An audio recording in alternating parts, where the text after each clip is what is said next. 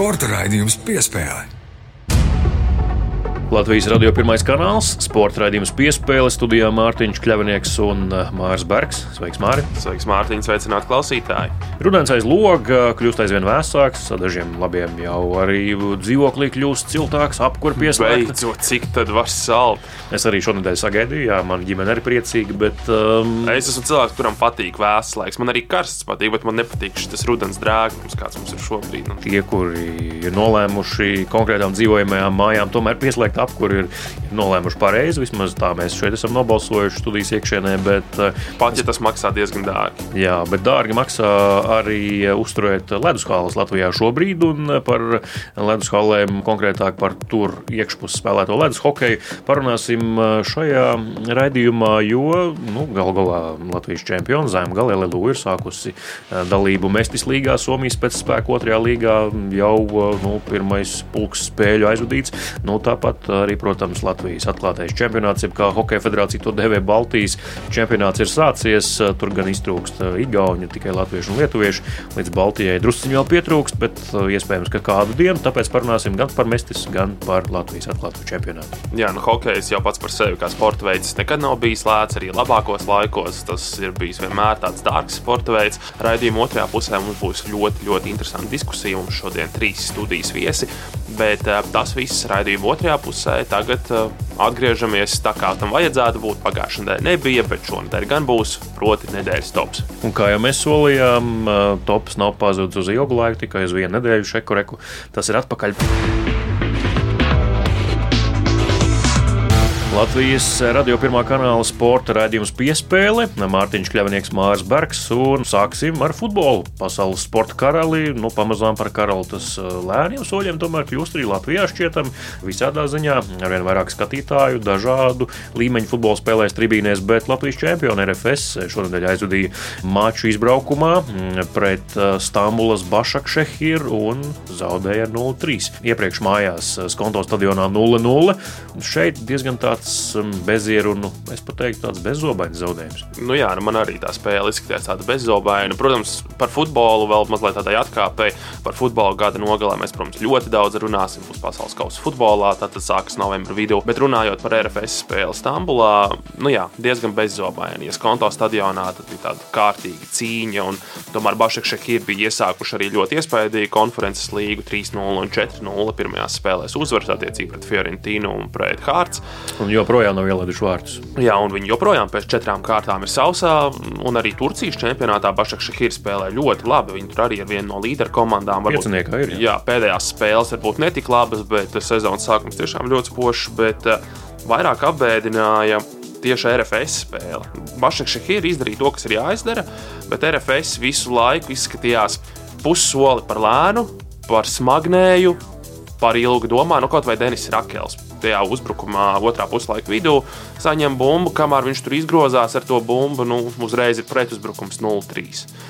Es atceros, kā mans treneris kādreiz teica, ka mēs šādi kaut ko lēni tur čakarējāmies un domājām, ka veči, mana ome kustās ātrāk, un viņai bija 105. Nu, to pašu mēs tagad varam teikt par šo situāciju. Tas man ļoti spilgti iespiedās atmiņā. Kamēr tur izgrozās, apstrādā to bumbu, bumba ir atņemta jau un ir pretuzbrukums ātri un 3-0. Bašķi ir priekšā, un tas ir pa visu spēli, tā var teikt. Šobrīd šķiet, ka viņi ir nosēdušies ar visu šo slodzi. Es tieši to gribēju teikt, jā, varbūt tas lūzuma punkts ir pienācis, ko mēs jau vienā no iepriekšējiem raidījumiem sacījām, ka tas spēļu skaits būs liels, slodze būs milzīga, it īpaši pamatsastāvam, arī kaut kādas traumas ik pa laikam parādās, vai kartīšu problēmu dēļ kāds nevar spēlēt, un, nu, šķietami, ka iespējams, ka šis, šis ir tas brīdis, kad tāds, nu, teiksim tā, zemāks punkts, ja ne zemākais, tad zemāks nekā bija ir sasniegts fiziski. Acīm redzot, jā, nu skaidrs, ka Latvijas virslīgas spēlētāji nav pieraduši pie šādas slodzes, un lai arī RFS sastāvu lielos vilcienos veido ārzemnieki, nu, būsim atklāti, ir kaut kāds iemesls, kāpēc viņi spēlē Latvijas virslīgā, kas nekotējas tik augstu kā ļoti daudzas citas Eiropas līnijas. Ir iemesls, kāpēc viņi ir šajā līgā, nevis kaut kur citur. Un, attiecīgi, nu, ja lielo Eiropas klubu,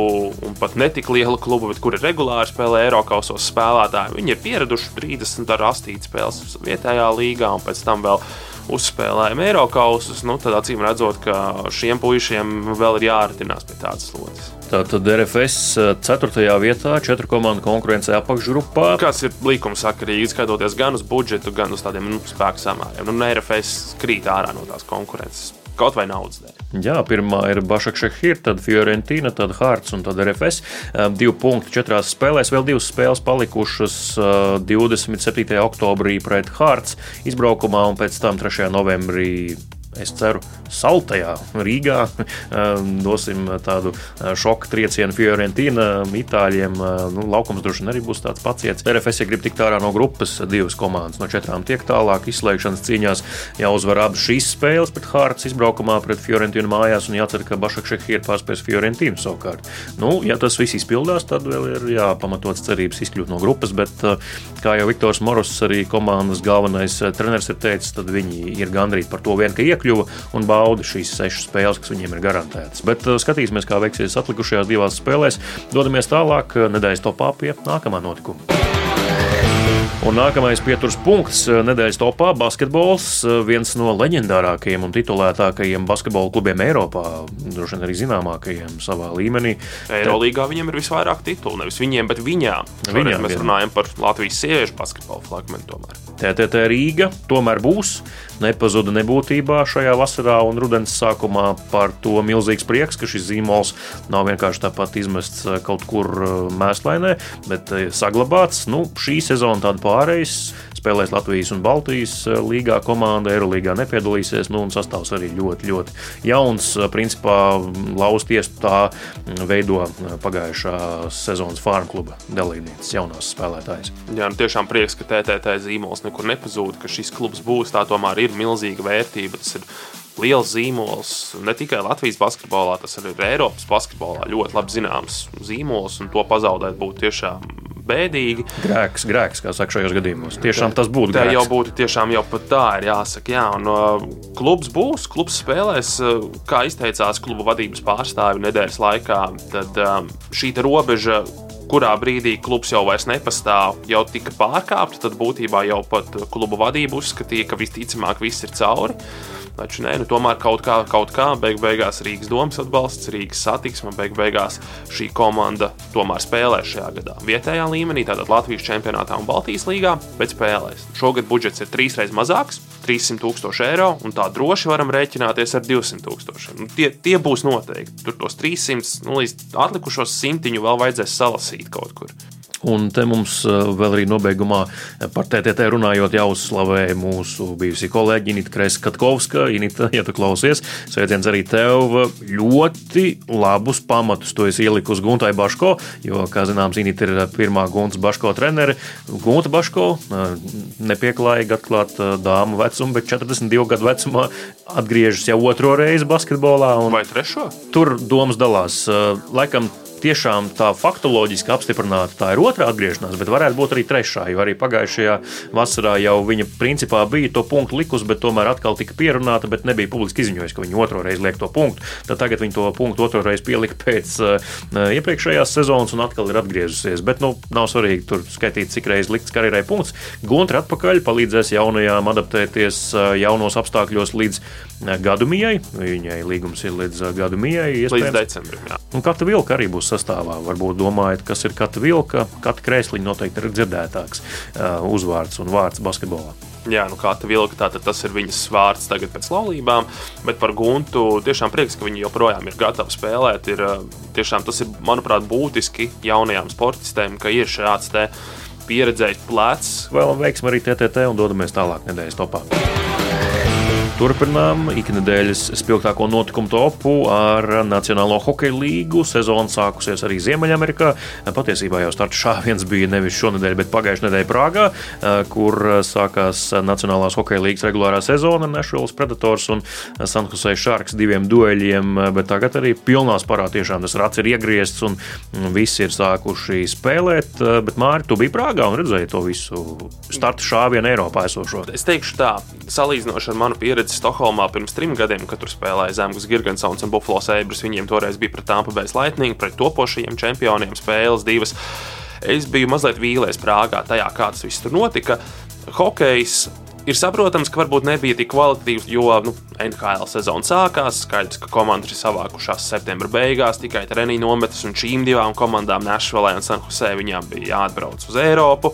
Nu, es biju mazliet vīlies par Čehijas publiku. Es biju gaidījis, ka būs tāds kārtīgs atbalsts, bet beig beigās viss skaļākās ovācijas divu dienu laikā saņēma cilvēks, kurš nekāpa uz ledus ar slidām. Viņš uzkāpa uz ledus, bet ne ar slidām. Tas bija Jaromīrs Jāgars. Viņš otrajā spēlē veica simbolisku iemetienu. Protams, Jaromīrs Jāgars komentārus neprasa. Arī nu, Čehijas hokeja leģenda, ne tikai Čehijas, visas pasaules hokeja leģenda. Viņš es saprotu, ka šobrīd beidzot noslēdz savu karjeru. Vēl nē, Vēl viņš, viņš ne. tā kā plāno, ka nu, tā kā vairs nē, nu vairs nav iekšā, nav motivācijas. Bet, nu, varbūt, varbūt vēl. Nu, Jāram, ar viņu jau nu gan nevar zināt. Nu, kaut ko viņa labi tajā Čehijā, vai tas Čehu alus vai kaut kas cits, bet nu, Čehu spēlētāji ļoti ilgi. Viņš nav vienīgais vienīgais, kurš var tiešām spēlēt veselu mūžību šķietami.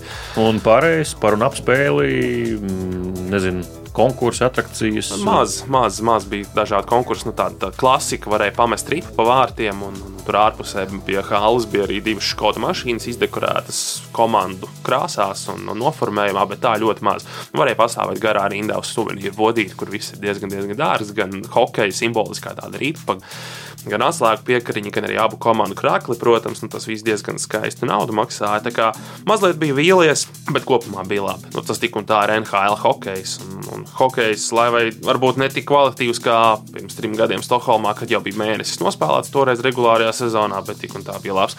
Katrā ziņā gaidām tagad Tamperē Elvimu Zlikinu, Kolumbusas Blue Jackets. Viņiem Tamperē būs jāspēlē pret Colorado Avalanche, pret Stanley Kausa ieguvējiem. Par Elvu runājot, viņam gan eh, sezonas pirmā spēle gāja secen, Kolumbusas Blue Jackets gan zaudēja 1-4 Karolīnas Hurricanes, bet eh, Elvis saslimīs pirms šīs spēles, būtu droši vien, ka stājies vārtos nesanāca. Un līdzīgi līdzīgs starts uh, arī Teodoram Bļugaram. Viņš arī savainojuma dēļ nepiedalījās Pitsburgas pingvīnas pirmajā uh, sezonas spēlē. Pingvīni pārliecinoši gan uzvarēja mm, savus pretiniekus. Nu, savukārt uh, Rudolfs Balcers debitēja Floridas Panthers sastāvā, un Zemgus Girgensons, protams, joprojām spēlē Buffalo Sabres, kā mēs to jau Tā ir nemainīga vērtība. Jā, nu un Rudolfam un Zemgum tas starts ir tāds pieticīgs pirmajā mačā. Nu, tur uz ledus bija spēlēja Rūdis pat otrajā maiņā, Zemgus ceturtajā, bet uh, bez punktiem, trīs metieni pa vārtiem katram, nu tā vēl ieskriens iešūpojas. Nu, un ir svarīgi arī parunāt par to, ka trim no četriem mūsu NHL hokeistiem šis ir līguma gads. Tātad gan Kirgensonam, gan Balceram, gan Blugeram. Līguma gads nozīmē to, ka viņiem pēc sezonas pavasarī beigsies līgumi. Ir sev jāpierāda. Ir sev jāpierāda, lai nopelnītu savus līgumus. Uz ko es ceru, tas, protams, ka arī Kristians Rubīns kaut kādā brīdī ielauzīsies no Farm kluba Otovas senators uh, lielajā komandā, un varbūt ka Artūrs Šilovs debitēs beidzot Vankūveras Kanaks. Viņš jau iepriekšējā sezonā bija ļoti tuvu tam. Uz soliņa jau sēdēja Vankūveras spēlē. Pasēdē izbaudīja atmosfēru, tā kā iespējams, ka arī tas notiks, kas to lai zina. Bet uh, mēs atkal dodamies uh, mūsu nedēļas topa pēdējo pieturvietu. Un nedēļas tops noslēdzas ar hokeju. Runājām par Nacionālo hokeja līniju, tagad parunāsim par vietējo hokeju. Zemgale LLU komanda aizvadījusi pirmās izbraukuma spēles Mestis līgā. Sešas spēles deviņās dienās. Ļoti saspringts grafiks. Pirmās divas mājas spēles septembrī pēdējā dienā un 1. oktobrī uzvarēja. Pēc tam brauca uz Somiju un tur sākumā gāja dikteni grūti. Jā, nu, sākums šim sešu izbraukuma spēļu maratonam tāds grūts, četri zaudējumi pēc kārtas. Nu, beigās tomēr pabeidz ar divām uzvarām šo maratonu Somijā. Deviņās spēlēs tiešām ļoti daudz spēļu īsā laikā. Tas tāds NHL vai pat pasaules čempionātu grafiks daudz jāspēlē. Un skaidrs, ka šiem spēlētājiem, kas ir zemgalē, tā ir pirmā tāda veida pieredze un ir, nu, ir nepieciešams adaptācijas laiks. Un, nu, sezona ir mežonīgi gara viņiem, vai drīzāk pat piesātināta. Jāsaka, tā būtu pareizāk. 52 spēles mestis. 32 Latvijas čempionātā, vēl pa vidam būs kontinentālais kausa novembrī. Tas jau ir vairāk nekā NHL sezonā. Jā, tas jau ir vairāk nekā NHL sezonā. Vēl ir jārēķinās, ka Latvijā pilnīgi noteikti būs izslēgšanas spēles, jo Zemgala šobrīd ir trešajā vietā. Un, nu, es nezinu, kam ir jānotiek, lai viņi netiktu izslēgšanas spēlēs Latvijā. Tad deviņu komandu konkurencē astoņas tiek iekšā. Jā, bet nu, ar zemgala pabeidzām. Savā ziņā ar zemgala arī turpināsim, bet pēc pavisam maz attēlpas mirkļa pieteiksim nākamo raidījumu segmentu. Sporta raidījums piespēlē. Latvijas radio pirmais kanāls, studijā Mārtiņš Kļavinieks un Māris Barks. Un šajā raidījumā runājam par ledus hokeju. Atbilstoši arī laikapstākļiem aiz loga. Sezona ir sākusies gan Latvijas atklātajā čempionātā, tāpat arī Somijas pēc spēka otrā mestis līga ir sākusi savu čempionātu, un tajā piedalās arī Latvijas klubs šajā sezonā. Parunāsim gan par vienu tematu, gan par otru, un, protams, arī par vienojošiem elementiem šiem abiem tematiem. Protams, Māris Barks, mans kolēģis, arī šeit studijā studijā, un trīs runātāji, kuri ļoti labi pārzina manas pieteiktos tematus. Es sākšu ar Latvijas Hokeja federācijas ģenerālsekretāru Robertu Pļāvēju. Sveiks, Robert! Labdien! Latvijas čempionu vienības zemgale LLU direktors Aivars Zeltiņš. Sveiks, Aivar! Sveicināt! Un arī viens no pieredzes bagātākajiem, erudītākajiem un izcilākajiem Latvijas hokeja žurnālistiem Jānis Matuls ir šeit. Sveiks, Jāni! Uh, visi apzīmējumi bija pareizi. oh, tests izturēts. Es nopūšos un dodos tālāk. Latvijas čempionu un Zemgala Latvijas lauksaimniecības universitāte ir sākusi mm, savu startu Mestis līgā, bet es Aivaram gribēju sākumā precizēt, jo projām LLU, bet universitāte tagad sauc citādi, vai nebūs jauna abreviatūra komandai? Būs, un tikai laika jautājums, kad būs. Katrā ziņā tas tāds pārmaiņu process, un jā, universitāte ir mainījusi savu nosaukumu, un arī uh, mēs mainīsim droši vien, kad ar nākamo gadu, jo tāpat jāmaina logo, kādas niansētas lietas, bet tas nebūs šogad. Kā vērtēt startu spēles? Septiņas, ja nemaldos, ir aizvadītas. Astoņas. Astoņas. Vērtēju pozitīvu zīmi, sagaidījām to, ko gaidījām ātru, dinamisku, fizisku, spēcīgu hokeju. Es biju uz pirmo mājas spēli klātienē, un tas, kas man acīs iekrita, pirmais bija tas ātrums, jā, spēles ātrums. Droši vien vēl jāsaka, tāds pielāgošanās laiks un, un process jau vēl būs vajadzīgs. Tās ir pirmās astoņas spēles ir aizvadītas un, un paies ilgāks laiks, lai mēs spētu visām šīm lietām pielāgoties. Bet, protams, mēs arī pirms tam redzot, kā spēlē šajā līgā tā, tā būtiskākā atšķirība ir tas fiziski ātrais hokejs. Tur laika spēlētājiem domāt ir sekundes milidaļas, un domājot tieši par mūsu 20, 23 vecumu hokeistiem, šā ir tāda nu, tiešām lieliska iespēja, kur mēs varam augt un attīstīties, un ceru, ka tiešām ilgtermiņā mēs no šī visa sagaidīsim ļoti lielu pienesumu Latvijas hokejam. Un tāds ir tas fundamentālais pamats, kādēļ mēs vispār šo ceļu gājām, arī to, ka Jālgava ir uh, Latvijas U20 bāzes klubs, un, protams, domājot par šiem sportistiem, kuriem būs jāspēlē savā dzīvē uz dažādiem laukumiem. Tas pilnīgi noteikti ir tikai labi priekš mums, priekš Latvijas hokeistiem un to, ko mēs visi kopā darām. Jā, Robert, nu, Latvijas Hokeja federācijai, protams, arī ir savs skats uz zemgales startu Ko tu redzēji un kā tu vērtē to? Es domāju, ka es varētu parakstīties droši vien zem katra vārda, ko Aivars iepriekš teica. Jo, nu, lai arī tas tomēr ir zemgales, nu, varētu to saukt par privātu projektu, bet jebkurā gadījumā viņš tiek attīstīts un uz, šis ceļš tiek iets uh, kopā ar Latvijas Hokeja federāciju. Iepratim tam, lai mēs uz vietas radītu platformu, kurā šie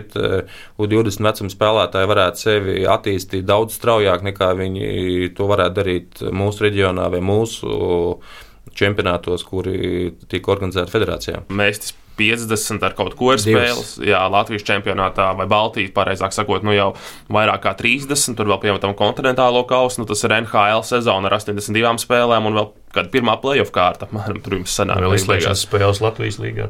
Tur var jā. daudz sanāk. Jā, nu, protams, ka jārēķinās, ka tā sezona būs gara un tā intensitāte ir tik liela, ka tas, protams, atstās gan uz fizisko kondīciju kaut kādu iespaidu. Un, un ir uh, šobrīd droši vien grūti paredzēt, kurā brīdī būs bedri, kurā brīdī no viņa tiks ārā. Arī traumatisms, protams, ka pie šādas intensitātes palielinās. Tā kā nu, novēl tikai veiksmi un izturību komandas organizatoriem Naivaram, jo noteikti tā sezona nebūs viegla. Pievienojamies arī no Latvijas radio puses Jāni. Tu kā tiešā vārda meistars, citējot klasiķus. Ko, kas tev sakāms? Man ir jautājums, Aivar, es saprotu, ka tu biji tas, kurš vasarā komandu komplektēja. Šos pamatos droši vien, bet jebkurā gadījumā tas arī ir komandas darbs, treneru Tā skaitā arī ģenerālmenedžera, bet, bet nu, kaut kādās pamatlietās, jā. Jo diezgan ātri Arts Abols pateica, ka komanda ir vājāka nekā iepriekšējā sezonā, bet jūs pārējāt uz spēcīgāku līgu. It kā neloģiski. Netieši, ka neloģiski. Varbūt uh, to brīdi uh, šis gads, protams, iezīmēs arī to, ka biju 20 Kanādā. Uh, un Arts, un, un tāpat arī Arthurs Aboliņš, un arī citi iesaistīti cilvēki, kas bija tobrīd prom un nebija ar komandu. Tā doma vairāk bija arī to, to brīdi, ko Arts pārnesa publiski, ka mēs ejam uz to, lai attīstītu U20, U23 vecumu, tad arī no pagājušā sastāva bija spēlētājiem, kuriem sadarbības neturpinājām, tīri fokusējoties uz to, kāds ir nu, teiksim, tā kluba jaunais mērķis un, un ar domu par Latvijas hokeju kopumā. Tāpēc, un arī Zemgala vienmēr ir bijusi komplektēta ar tādu līdzsvaru starp jaunību un pieredzi. Un pilnīgi noteikti arī šobrīd mēs skatīsimies uz to, kas no pieredzēšanas spēlētājiem varbūt kādos brīžos var būt pietiekami ātri, gatavi tādam fiziskam hokejam. Jo tā būtiska atšķirība ir, ja mums būtu jāspēlē šobrīd Latvijas čempionātā, mēs ļoti iespējams sastāvā būtu saglabājuši tādu, kāds bija iepriekš. Šobrīd mums jābūt gataviem pirmkārt ar ļoti daudz spēļu skaitu, otrkārt ar ļoti dinamisku, fizisku, ātru hokeju. Ir jābūt uzvarām, jābūt interesantam šim hokeja spēlēm laukumā, un ne tikai hokeja spēlē laukumā, bet visam, kas ir ap un ap hokeju. Man ir jautājums, ir, cik uh, vidējais jāgalnieks var atļauties mēnesī tērēt uh, tādā izklaidē kā Mestas hokeja līga. Droši vien, kad savus pārdesmit eiro jau nu noteikti var atvēlēt. Uh, Tad vis... jau jums tukšs hale būs. Nē, es saku, noteikti, ka katrs var atvēlēt uh, vismaz pārdesmit eiro, lai atnāktu hokeja spēlēm. Mēs šobrīd uh, runājam par tādu naudas kaut kādas cik summas atvēlēšana, tad, protams, ies biļeti uz, uz mājas spēlē maksā 8 eiro. Mūsu sistēmas sportisti audzēkņi nāk, be, ir bezmaksas iespēja atnākt un dzīvē baudīt hokeju. Un tad, kad runas par Jālgaunieku, bet patiesībā arī Rīgu un pietuvinātām pilsētām dzīvē nākt un atbalstīt Latvijas komandu ir gan ērti, viegli atbraucams un arī samaksājums summa. Nu, man katrā ziņā ļoti ērti atbraucams, bet vai jums eh, mašīnas stāvvieta jāmaksā? Ir? Ne. Nav tas, tas ir plus. Tad um, alus maksā 5 eiro. Ja? Mm, nē, nē 3 eiro. Oho. Lētāk nekā citur Latvijā. un tas ir ļoti garšīgs sals. Eh, es esmu diezgan daudz bijis ārzemēs, un lielākajā daļā Vācijas, Slovenijas, arī Čehijas.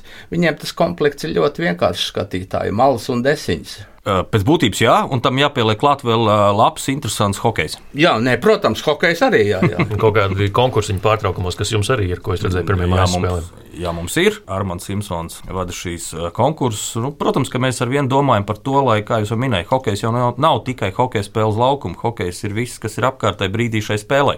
Un skatītājs jau nāk uz izklaidi. Es Aivaru Zemgalē, protams, vēlu panākumus, bet vēsturiskā praksa rāda, ka mm, cilvēkiem uz vietas vairāk interesē pašu cīņas, nevis jaunā līga. Un, piemēram, 2004. Eh, gada sezonā, kad bija NHL lokauts un Rīgā 2000 spēlēja Sergejs Zoltaks, Kārlis Krastīns un liela daļa izlases spēlētāji, tad eh, Piņķu Halle nu, reti bija pāri pusēji. Nu, Jālgava ir mazliet lielāka par piņķiem. Jā, bet ir tam stāstam tā otra puse, kad uh, tas, ko ar šo visu arī es gribēju sasniegt, ir tas, ka pirmkārt spēļu daudzums, spēļu kvalitāte, Un galu galā domājot tieši par to, kā mēs attīstām šos jaunos latviešu uh, puikas hokeistus, jo pilnīgi noteikti ar 32 spēlēm, kādas arī šogad ir Latvijas regulārajā čempionātā, mēs nevaram ļoti daudz sasniegt. Mums vajag spēļu skaitus, vajag spēļu kvalitāti. Un, un līdzvērtīgs pretinieks vairāk, ja mēs šobrīd runājam par Latvijas čempionātu, protams, mēs varam runāt ar nu, diviem, trim līdzvērtīgākiem pretiniekiem. Uh, Un ar to mēs nevaram runāt šobrīd, lai mēs spētu attīstīt un domāt par U20 un tādu U23 vecumu mm, hokeja attīstīšanu. Viena nianses, ko es ievēroju, es ceru, ka es nemaldos, bija tieši Latvijas gāzes logo uz bortiem Jālgavā tagad, vai ne? Jā. Federācijas iesaistas tur nav. Roberto jau tu sacīji iepriekš. Ka, nu, Jā, nu, droši vien. Protams, ka daļēji tā tomēr ir federācijas iesaistas, jo federācijas vadītājs droši vien tur savu roku ir pielicis. Te ir jāsaka, ja mēs runājam par Latvijas gāzes logo, tad, ja paskatīsieties rūpīgi, tad jūs Latvijas gāzes logo nevienā viena ledus hala redzēsiet, uh, Latvijas gāze atbalsta hokeju ļoti plašā apmērā. Un jāsaka, ja mēs runājam par Latvijas čempionātu, kurš šogad ir Baltijas čempionāts, tad uh, nolikumā ir arī mārketinga sadaļa, kas uzliek par pienākumu ledus hallēm vai klubiem savā ledus hallēs izvietot federācijas un līgas atbalstītājus. Šis ir tas gadījums, vai tomēr jums kāda nauda dod arī komandai startam Mestis līgā Latvijas gāzi? Jāsaka, ka kopumā var teikt tikai paldies Latvijas gāzē par ieinteresētību sporta atbalstīšanā un, un arī hokeja atbalstīšanā. Protams, konkrēts līguma attiecības neizpaudīšu, bet uh, reklāmas pircēji ir, ir Latvijas gāze arī. Tagad Zemgala šobrīd šajā sezonas posmā jūs esat apmēram tabulas vidusdaļā. Tur... Trešā vieta Latvijā. Arī tās par to mēs parunāsim tālāk, bet šobrīd nu, viss ļoti cieši vienu uzvaru, tur jūs esat ļoti augstu, viens zaudējums uzreiz nokrītat. Sezonas beigās kur jūs no tāda sportiskā rezultāta būsiet apmierināti atrasties? Desmitnieks. Desmitnieks. Tam blakus nemainīgi viens un tas pats mērķis, ko es minēju vairāk kārt. Es kā arī klubu vadītājs, protams, pabeidzot sezonu, gribu redzēt, ka šie mūsu jaunie sportisti ir spēruši daudz platāku soli profesionālā attīstībā, un ka mēs redzam arī U20 kontekstā, un arī Latvijas nacionālās izlases kontekstā, ka mums ir pienākuši jauni uzvārdi. Man pļāvēkungam jautājums ir, es daudz ko saprotu, bet šo to es nesaprotu. Nu, eh, Robert, nu kas notiks tagad? Eh, Jālgā būs attīstījusi viņu līdz 23 gadiem, nu, kur tālāk viņa liks? Es domāju, nu, kā jūs teicat, tas ir ilgtermiņa projekts un, un U20 bāzes klubs jau tas ir pats par sevi runā. U20 bāzi. Es gribētu teikt, ka arī šis te U20 vecums un šī mestis līga savā ziņā to droši vien būtu raugoties no malas un arī no spēlētāja perspektīvas, tam būtu jābūt tādam tiltiņam, transakcijai, nu, ja tā var teikt, junior hokeju uz pieaugušo hokeju. Un skaidrs, ka Aivara mērķis ir, lai šie spēlētāji tiktu sagatavoti, lai maksimāli daudz uh, sistēmas spēlētāji tiktu uz izlasēm. Un skaidrs, ka nākamais solis viņiem ir labi apmaksāti līgumi ārzemēs. Jā, nu tad, kungi, es domāju, noslēdzam šo sadaļu par mestis un pievēršamies uh, Latvijas atklātajam čempionātam vai Baltijas čempionātam, kā to dēvē Latvijas uh, Hokeja federācija. Jā, nu, trīs lietuviešu klubi šajā sezonā pievienojās sešiem Latvijas un uh, nu, šobrīd 17 cīņas starp latviešiem un lietuviešiem ir bijušas tieši šajā čempionātā. 14 ir uzvarējuši latvieši, un nu, tur rezultāti tādi nu, 10, 1, 10, 2, 11, 1. Uh, Roberts, kā tev izskatās šobrīd. Tas ir tikai tāds šī brīža tāds mūsu īstermiņa skatījums uz to, ka varbūt nav tik konkurētspējīgas šīs komandas. Varbūt Hokeja federācijā ir kāds ilgtermiņa mērķis arī šajā sakarā. Te droši vien šo projektu mēs varam raudzīties no divām pusēm. No mūsu skatu punkta un no lietuviešu skatu punkta. Eh, ja mēs runājam par lietuviešiem, tad skaidrs, ka viņu mērķis ir tālredzīgs. Viņi vēlas izveidot uh, līgu kopā ar mums, iespējams, nākotnē apvienojot arī Igauniju, varbūt vēl kādu Baltijas jūras krasta komandu, lai mēs par šo projektu runātu ilgtermiņā. Mēs šos jautājumus esam vairāk kārt pārunājuši arī ar lietuviešu kolēģiem. Uh, mums ir jāatrod uh, līdzsvars, uh, vai precīzāk, viņiem ir jāspēj pievilkties uh, tam līmenim, kurš ir Latvijas hokeja. Mums Tur ir arī kaut kāda ceļa karta, datumi, nu, kad jums tas jāizdara. Uh, nu, saucam šo par pilotu sezonu, kuru, nu, lai mēs nākamā gada vai nākamā sezona atgrieztos pie arī šī projekta, tad sezonas gaitā ir jābūt uzlabojumiem, un sezonas droši vien nobeigumā mums ir jāredz un jābūt pilnībai pārliecībai, ka šīs komandas var turpināt attīstīties, un tam ir daudz priekšnosacījumi. Jā, nu šobrīd mēs esam tādā situācijā, ka mums ir lietuviešu kvantitāte, mums ir trīs klubi, bet pat Lietuvas čempioniem hockey Pāngas, nu, acīm redzam, viņiem trūkst tās kvalitātes, jo tā pati zemgale ir viņiem sametusi septiņus vai astoņus vārdus spēlē, un tur graujoši rezultāti arī Lietuvas čempioniem zaudējumi. Respektīvi. Mēs šeit runājām arī pirms brīža par bāzes klubiem, par U20 un zemgali kā bāzes klubu.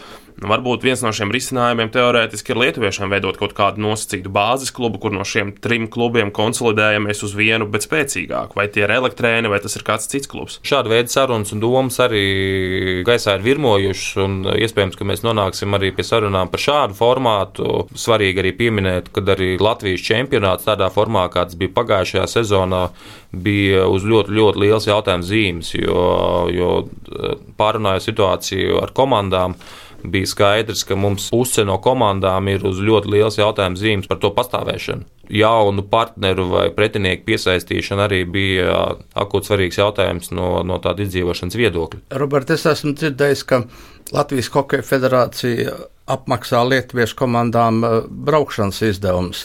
Savukārt Igaunijas Hokeja federācija apmaksā kurbadam braukšanas izdevumus. Varbūt, ka vajadzētu kurbadam apmaksāt, lai viņi spēlē Latvijā.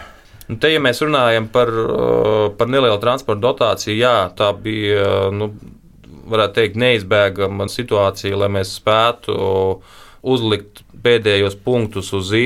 Bet ne Lietuvas komandā. Bet ne Lietuvas komandā, lai mēs spētu, jo, protams, kad arī federācijai ir savs redzējums, mūsu federācija, Lietuvas federācijai ir savs, Latvijas komandām savs, Lietuvas komandām savs. Mums nācās drusciņš šīs komandas motivēt, bet jāsaka, ka mums nenāca uh, vilkt ārā naudu no, no zeķiem, kas kaut kur bija dziļi paslēpts, jo pie šī formāta, kurš ir šogad čempionāta uh, budžeta kontekstā, mums sanāks diezgan krietni iekonomēt uz tā pamata, ka ir izdevies vienoties uh, savā ziņā tādā varbūt piespiedu kārtā, ka lielu daļu no budžeta seks Lietuvas Hokeja federācija. Tāpēc uz tā pamata mums arī radās iespēja uh, mūsu klubus nedaudz nodotēt. Tātad šobrīd nav pamata teikt, ka kāda halle varētu aizvērties ciet no vismaz no tām, kur spēlē augstākās līnijas. Šie riski ir ļoti stipri samazinājušies, bet nu, jāsaka, ka tas nav noticis arī bez ne tikai iepriekš nosauktajām darbībām un vēstulēm un sarunām, bet uh, nu, jāsaka, ka šīs halles pēc būtības vai šo ledus kāļu izmaksu pieaugumi ļoti lielā mērā balstās un kolorējās arī ar uh, vecāku līdzmaksājumiem, bērnu nodarbībām, amatieriem. Visi maksā vairāk, visi šajā situācijā cieši. Ieguvēju šeit atrast mēs droši vien nevarēsim. Jā, nu, jā, es tur... arī varu iestarpināties. Manam puikam, pieci, tūlīt paliks seši gadi. Grib spēlēt hokeju, blakus mājām ir Volvo ledus halle. Es arī interesējos, nu, kādas naudas mēnesī tad būtu jāatvēl. Ja puika grib trenēties. Šobrīd tie esot laikam 220 eiro mēnesī. Bet uh, būšot, protams, vairāk, un uh, nu, tur vecāku tērzētavās pagaidām izskan, ka nu, līdz 300 esam gatavi maksāt. Nu, tālāk jau skatīsimies, vai to puiku nesūtīt kur citur. Jā, jānopērk inventārs. Mēs šobrīd Tas runājam tikai, tikai par, par mēnešu maksājumu. Mēs saprotam, tas ir, tas ir ļoti daudz patiesībā, lai mēs runātu. Mēs zinām, ka hokejs ir dārgs sporta veids, jebkurā gadījumā, protams, bet, ja mēs runājam jau par 300 eiro maksājumu tikai par nodarbību, tas ir ļoti daudz. Jā, nu te vēl ir tā otra puse, kur es atkal varu iestrādāties ar amatieru hokeju, kur arī tāda ledus īres stunda sadārdzinās. Šur tur jau pat runas par divreiz vairāk nekā bija pirms gada. Te mums ir risks, ka mēs pazaudējam to amatieru hokeju, kas arī lielā mērā pirmkārt uztur šo hokeju kustību kā tādu un arī nu, nodrošina ledus kāļu izdzīvošanu. Jo viens ir bērnu grupas, kas trenējas, arī profesionālās komandas, kur tādas ir. Bet, uh, no amatieri ir tie, kas visvairāk to ladu noslogo. Šo hokeja fenomenu Latvijā kopumā, raugoties no visām pusēm, no aktīvās, pasīvās iesaistas, fanošanas, bērniem, rezultātiem, viņš nav īsti ar saprātu robežās izskaidrojams. Un, uh, savā veidā hokejs bērniem, nu, negribās tā teikt, bet tas ir izredzēto sports šobrīd pārvērties no tāda izmaksu viedokļa. Tas ir tas vecāku vai hokeja trakums Latvijā, kuru nevaram izskaidrot. Līdzīgi arī ar amatieriem. Amatieri tā arī ir viena ļoti liela, traka mērķa auditorija un trako cilvēku, kas grib nodarboties ar hokeju, netrūkst. Ļoti daudz jaunu sāk nodarboties. Arī skatoties uz ledus kāļu noslodzēm, nav tā, ka būtu ļoti daudz brīvu pleķīšu, kur vēl kādas komandas iestarpināt. Tas komandas skaits Latvijā, nu es vairāk droši vien varu par Rīgu teikt, ir uh, uz to ledus hāļu skaitu. Viņš ir vienkārši apbrīnojams. Mums ir vairāk kā simts komandas tikai Rīgā. Bet eh, nu, tagad populāri arī valdība veidojot ir eh, tie termini galds ar trim kājām, vai krēsls ar trim kājām, vai četrām. Tas nozīmē, ka viena no fundamentālākajām Latvijas hokeja kājām ir šie amatieri. Ja to izsitu, viņi nevarēs vairs atļauties. Tas nozīmē, ka bruks haļu segments, tās vērsies ciet, bērnu hokejs tiks parauts līdzi profesionālās komandas. Tā to var daļēji, jā. Nu, daļēji, bet es negribētu pilnībā piekrist, jo, teiksim, mēs skatāmies no tāda ledus kāļu pārvaldības viedokļa. Skaidrs, ka šos vakar ledus ir visvieglāk pārdot, lai arī viņi ir visdārgākie, bet ledus kāli nevar dzīvot tikai ar, ar vakar noslodzi un šīs stundas. Un, ja mēs skatāmies, nu, kas ir amatieru ledus laiks, tas ir došana no 7 vakarā līdz, līdz 11. Cik tur šo stundu sakasās? Jautājums ir, ledus līdz šim 7 vakarā ir jāuztur sasaldēts, ko mums darīt eh, no 7 rītā līdz 6 vakarā, kas ir principā lielākā daļa no, no ledus kāļu pieejamiem ledus laikiem. Un, un panākt arī ir jāsaldē, nevar atkausēt nakti. Tur ir gan vēl viena nianses ļoti būtiska, ja mēs skatāmies par ledus halli un, un bērnu sportu. Tad uh, bērns par dienu ir skolā. Nevar halle vakarā ledu pārdot amatieriem, jo prioritāri jādomā par pašu sporta sistēmu, sporta skolām un bērnam skola beidzās trijos, četros dienā, un tikai pēc tam viņš var pievērsties šiem treniņiem. Tāpēc tā ir vēl viena nianses, kad Protams, ir vietas, un arī mēs vedam caur interešu izglītību bērnus arī no skolām uz lidot apmācību, bet jebkurā gadījumā mēs runājam par profesionālo ievirzi, tas nozīmē pēcskolas un šo stundu skaits, kas vajadzīgs vienai komandai, vienai grupai, ir nu, no 4 uz augšu. Ledus stundu skaits nedēļā. Kā, nu, tā matemātika ļoti vienkārši. Tiem klubiem, kuriem ir kā mums arī, piemēram, Jelgavā pilna piramīdas sistēma, tad uh, nodrošināt mēs faktiski varam tikai un vienīgi bērniem. Un tad ir jautājums, kā Latvijā kopumā mēs skatāmies sporta politiku, kā mēs skatāmies uz bērnu, jauniešu sporta attīstību. Jo tas, ar ko mēs šobrīd runājam, jā, jebkurā gadījumā, jebkuram sporta veidam, lai viņš būtu tāds pilnīgs un, un ir vajadzīgi visos vecumos, visos posmos būt. Un līdz ar to arī mēs runājam par ledus hallēm, un īpaši tām, kurās ir šīs sporta skolas. Tas ir īpaši jāakcentē un jādomā, kāda ir valsts un iesaistē atbalstot. Jā, nu, kungi, es domāju, mēs te studijā varētu vēl stundām diskutēt un runāt par hokeju. Tas uh, temats, kurš visiem mums tūs pie sirds, bet, nu, diemžēl, radio etra laiks ir ierobežots. Jā, ja tev vēl kas sakāms, droši. Es varu palikt visu dienu. nu, tad mēs ar Jānu paliekam. Pārējiem droši vien arī jāsteidz savos dienas darbos. Paldies, ka klausījāties. Redījums piespēle Mārtiņš Kļavanieks, Mārs Bergs pie vadītāja mikrofoniem un, protams, arī mūsu trīs viesi Latvijas Hokeja federācijas ģenerālsekretārs Roberts Pļāvējs, tāpat arī Aivars Zeltiņš, Zemgala LLU hokeja komandas direktors un arī hokeja žurnālists Jānis Matols bija šodien ciemos. Paldies, ka klausījāties, vīri, paldies, ka atnācāt un tiekamies kādu citu reizi. Jā, paldies, paldies. ka atnācāt!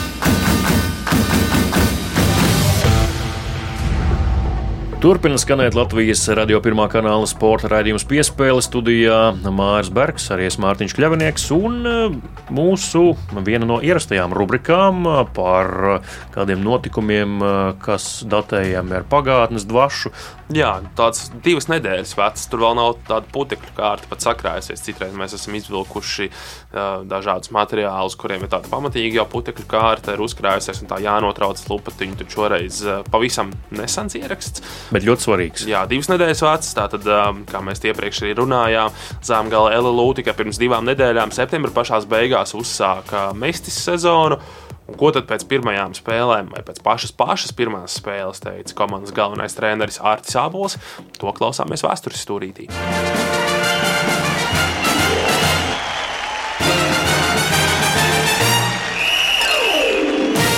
Domāju, ka grūtākais vēl tikai priekšā. Pirmais tas ir rīt, jo lielākajai daļai tā ir pirmā pieredze spēlēt divas dienas pēc kārtas ar vienu to pašu pretinieku. Un gribot, negribot, cilvēku psiholoģija ir tāda, ka šodien uzvarēt un nedaudz izpūt gaisu, un galvenais neizpūst pa daudz.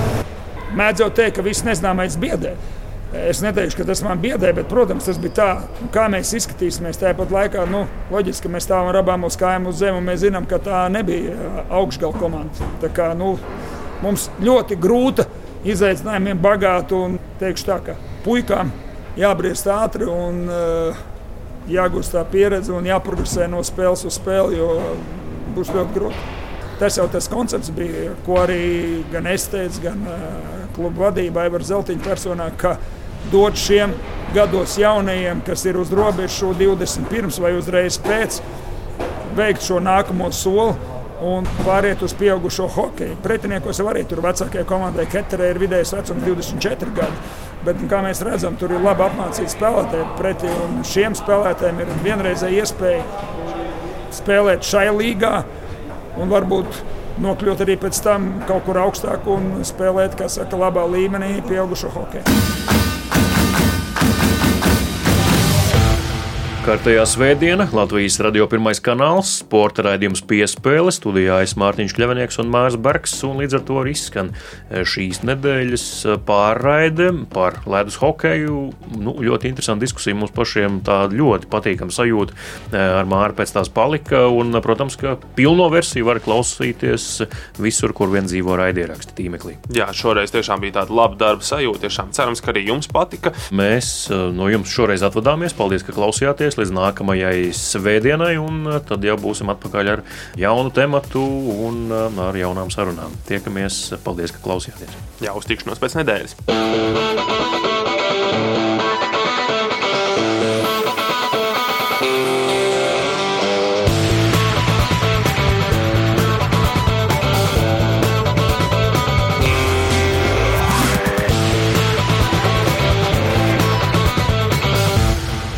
Sporta raidījums piespēlē.